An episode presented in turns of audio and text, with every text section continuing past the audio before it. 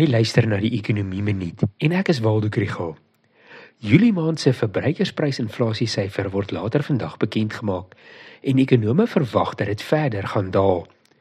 Een risiko waaroor almal bekommerd is, is voedselpryse. Hierdie episode word ondersteun deur Economic Research Southern Africa en die NWI Sakeskool.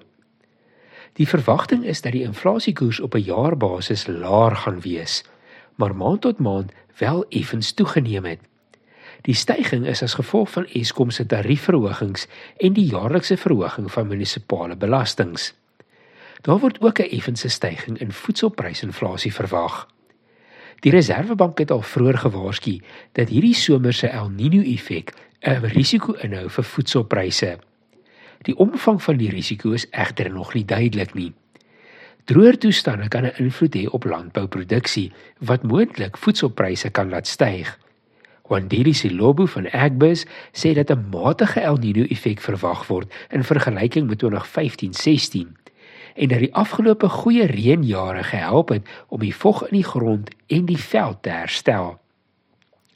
Ek wonder toe of die termynmark nie dalk al leidrade oor hierdie risiko het nie. Maar na 'n bietjie rondbel, vind ek toe uit dat hierdie bekommernisse nog nie in termynkontrakpryse gereflekteer word nie. Desember 2024 termynkontrakte vir wit mielies het nog baie klein volumes wat verhandel word.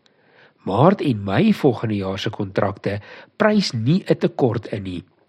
'n Hulpvaardige kollega herinner my toe dat hoewel 'n droë somerseisoen 'n negatiewe impak het op die landbousektor, moet ons onthou dat Suid-Afrika 'n prysnemer is in die internasionale voedselkommoditeitsmarkte.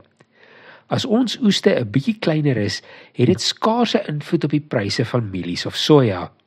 As ons bekommerd is oor voedselprysinflasie, is die FSA, Brasilië en Argentinië se seisoene baie meer belangrik.